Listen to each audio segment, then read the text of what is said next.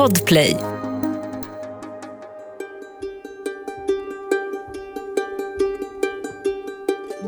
Kanada 2006. Den 23 april anländer polisen utanför familjen Richardsons hus. I hemmet hittas Mark, 42, Deborah, 48 och Tyler, 8 år. Alla är döda. Men en familjemedlem verkar ha klarat sig. Det är 12-åringen Jasmin. Men var är hon? Och vad har hänt med familjen? Du lyssnar på Värsta morden, en podcast av Saga Lindqvist Sprinkorn. Denna säsong baseras på fall som ni lyssnare har tipsat om. Och redan nu kan du lyssna på alla avsnitt av den här säsongen på plattformen Podplay. Jag vill varna för grovt innehåll och ingående våldsskildringar i dagens podcastavsnitt. Familjen Richardson är en relativt vanlig familj i Kanada. Familjen utgörs av Jasmine, 12 år, hennes bror Tyler, 8 år och mamma Deborah och pappa Mark.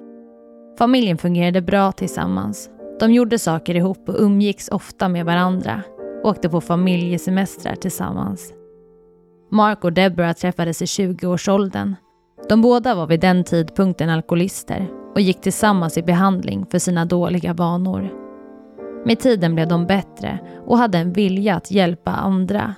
De blev bra förebilder och skaffade med tiden två barn, Jasmin och Tyler.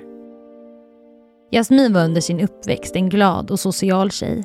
Hon var duktig i skolan och värdesatte sina vänner högt. Hon såg alltid till att alla mådde bra. Men med tiden förändrades Jasmin. Tonåren flög sig på och plötsligt var hon inte den där glada och sociala tjejen längre. 2005. Jasmin är 11 år. Hon slutar umgås med sina vänner. Nu vill hon knyta band med nya personer. Hon börjar klä sig på ett annat sätt. Hon har en gott stil. Androgyna kläder. Svart, svart, svart.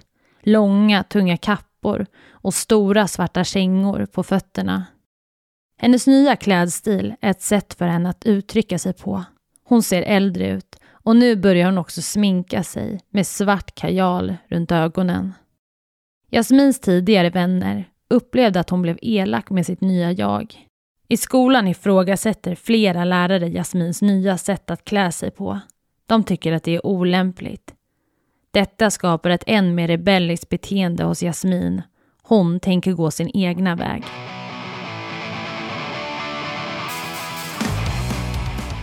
–2006 träffar Jasmin en 23-årig man, Jeremy. De träffas på en punk och rockkonsert och fattar tycke för varandra. Deborah och Mark, Jasmins föräldrar, är inte glada.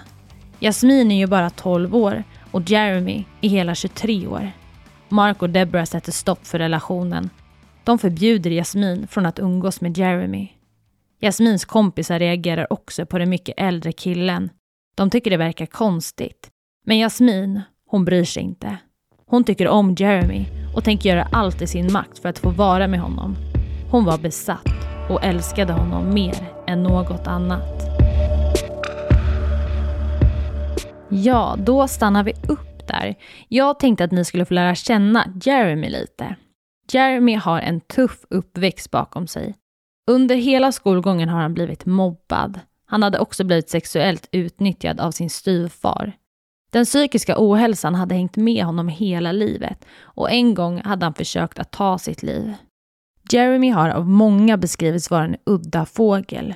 Runt sin hals har han en liten flaska fylld med blod. Och Jeremy säger ibland till sina vänner att han egentligen är en gammal varulv. Han är hela 300 år gammal. Vi lyssnar vidare. Jasmin och Jeremy fortsätter nu med relationen i smyg. Ingen får veta och ingen ska heller få sätta stopp för det de har tillsammans. Jeremy har ett konto på vampirefreaks.com. Jasmin skapar också ett konto på sajten och där kan de konversera med varandra utan att någon vet. Relationen växer sig starkare och starkare för var dag som går. De pratar nästintill hela tiden med varandra och gemensamt hade de en växande irritation mot Jasmins föräldrar som satte käppar i hjulen för dem. Den 3 april 2006 skriver Jeremy ett blogginlägg på sajten Vampire Freaks. Han skriver så här. Betalning. Min älskades hyra är totalt orättvis. De säger att de verkligen bryr sig. Jag vill skära upp deras halsar. Slutligen ska de bli tysta. Deras blod ska vara betalningen. Jeremy och Jasmin triggar varandra. De är så oerhört irriterade och ledsna över att de inte kan se som de vill. Jasmin skriver ett mejl till Jeremy. Hon har en plan. Hon skriver bland annat så här. Det börjar med att jag dödar dem och slutar med att jag bor hos dig. Jeremy svarar. Ja, jag älskar din plan, men vi behöver bli lite mer kreativa med detaljer och saker. Jasmin börjar berätta för flera vänner att hon och Jeremy ska döda hennes föräldrar. Men kompisarna tror inte på det hon säger. De tror att hon skämtar. Den 22 april 2006 tittar Jeremy och Jasmin på filmen Natural Born Killers. Filmen handlar om ett par som går ut och dödar tillsammans. En inspiration för kommande dag. För nu, nu var det nära. Nu skulle de snart göra handling av sin plan. Jag vill nu varna för ingående våldsskildringar.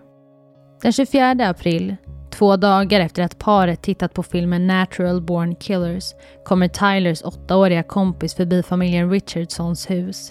Han vill leka med Tyler, men när han ringer på är det ingen som öppnar.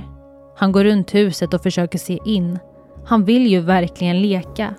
Och när han tittar in i ett källarfönster tror han sig se en kropp som ligger på källargolvet.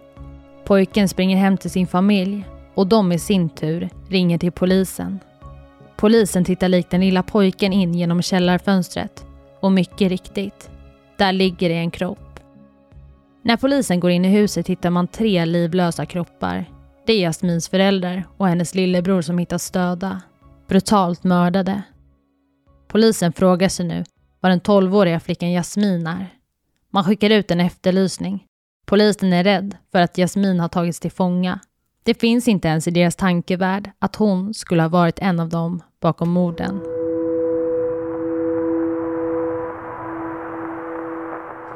Ja, så nu har Jasmins familjemedlemmar hittats döda. Och några veckor innan mordet har Jasmin och hennes föräldrar bråkat rejält. Jasmin hade velat gå på en punkkonsert, men hennes föräldrar hade sagt nej. Jasmin försökte övertala dem. Hon skulle ju bara dit med en kompis, inte med Jeremy. Och till slut väljer föräldrarna, Deborah och Mark, att säga ja. Jasmin åker till konserten och där möter hon upp Jeremy. Alltså inte en tjejkompis som hon sagt till sina föräldrar. Mark och Deborah åker också till konserten och hittar snart Jasmin och Jeremy. De står då och hånglar och Deborah blir rasande. Jasmin får i sin tur utegångsförbud i flera veckor. Hon får inte längre sminka sig, inte använda datorn och så vidare. Jasmin känner sig fängslad i sitt eget hem. Kanske en händelse som vidare triggade henne och Jeremy än mer. Vi går vidare. Polisen försöker pussla ihop händelserna. Vad har hänt i huset?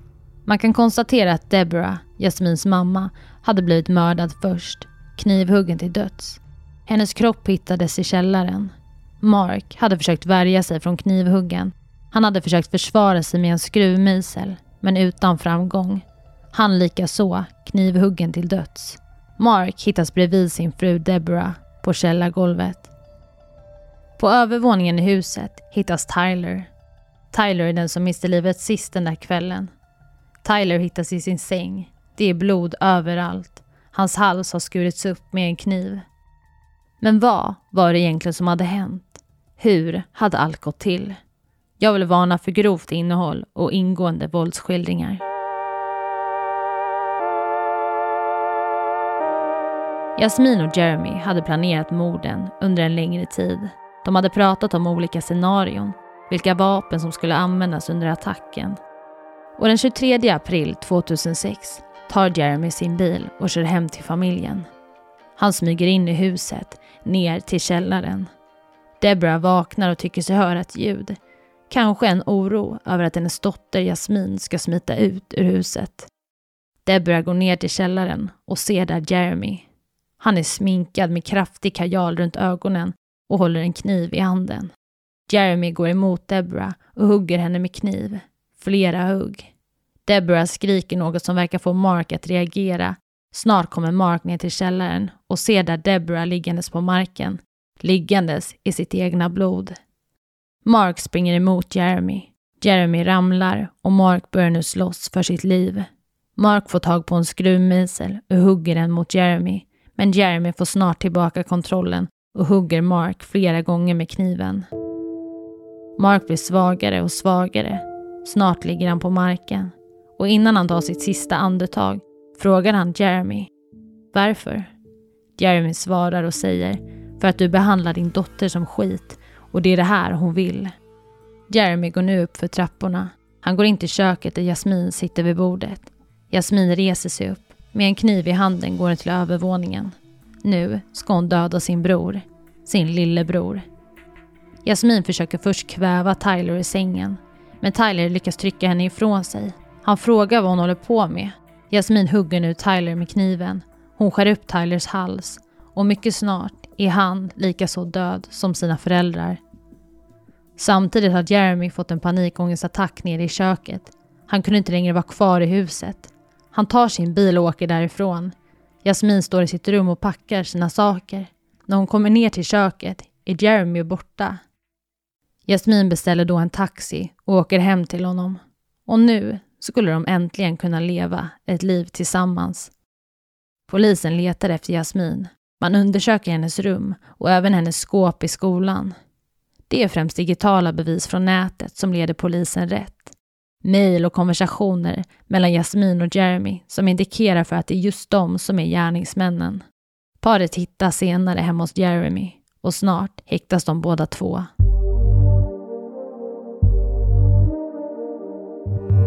Under rättegången säger den då 13-åriga Jasmin att hon inte är skyldig till morden. Hon menar att hon bara pratat om att döda sin familj men säger vidare att hon aldrig skulle sätta sin plan i verket.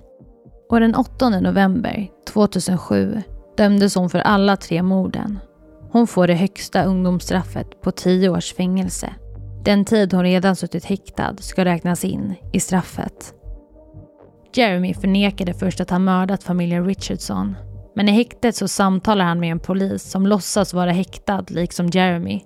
De bondar innanför de låsta dörrarna och snart berättar Jeremy att han ligger bakom morden tillsammans med sin flickvän Jasmin. Liksom Jasmin döms han för samtliga tre mord, livstidsfängelse. Jasmin och Jeremy skickade brev till varandra innanför fängelsets låsta dörrar. De pratar om att de ska gifta sig i framtiden och i breven framkommer inget som tyder på att de ångrar vad de gjort.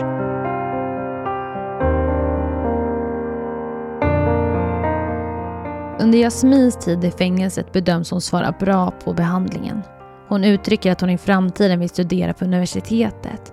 Och nu flera år senare är Jasmin fri och hon har studerat på universitetet. År 2016 släpptes hon ut ur fängelset då 23 år gammal. Hon lever nu under hemlig identitet på hemlig ort och det är inte känt om hon än idag har kontakt med Jeremy. Det var allt för dagens avsnitt. Vill ni komma i kontakt med mig eller tipsa om fall som ni vill att jag tar upp så kan ni göra det på Instagram där jag heter Saga Springkorn eller mejla till värstamorden springkorn.se. Nästa vecka kommer jag berätta om en gärningsman som begår dåd helt slumpmässigt. Och när polisen får reda på vem den här gärningsmannen är så kan de inte tro sina ögon. Det är allt annat än vad de trott. Och redan nu kan du lyssna på det här avsnittet på plattformen Podplay där även samtliga avsnitt från säsongen nu är publicerade. Tack för att du har lyssnat. The longer I've waited, the more that I've tried All the years that I've wasted trying to find it. All that I go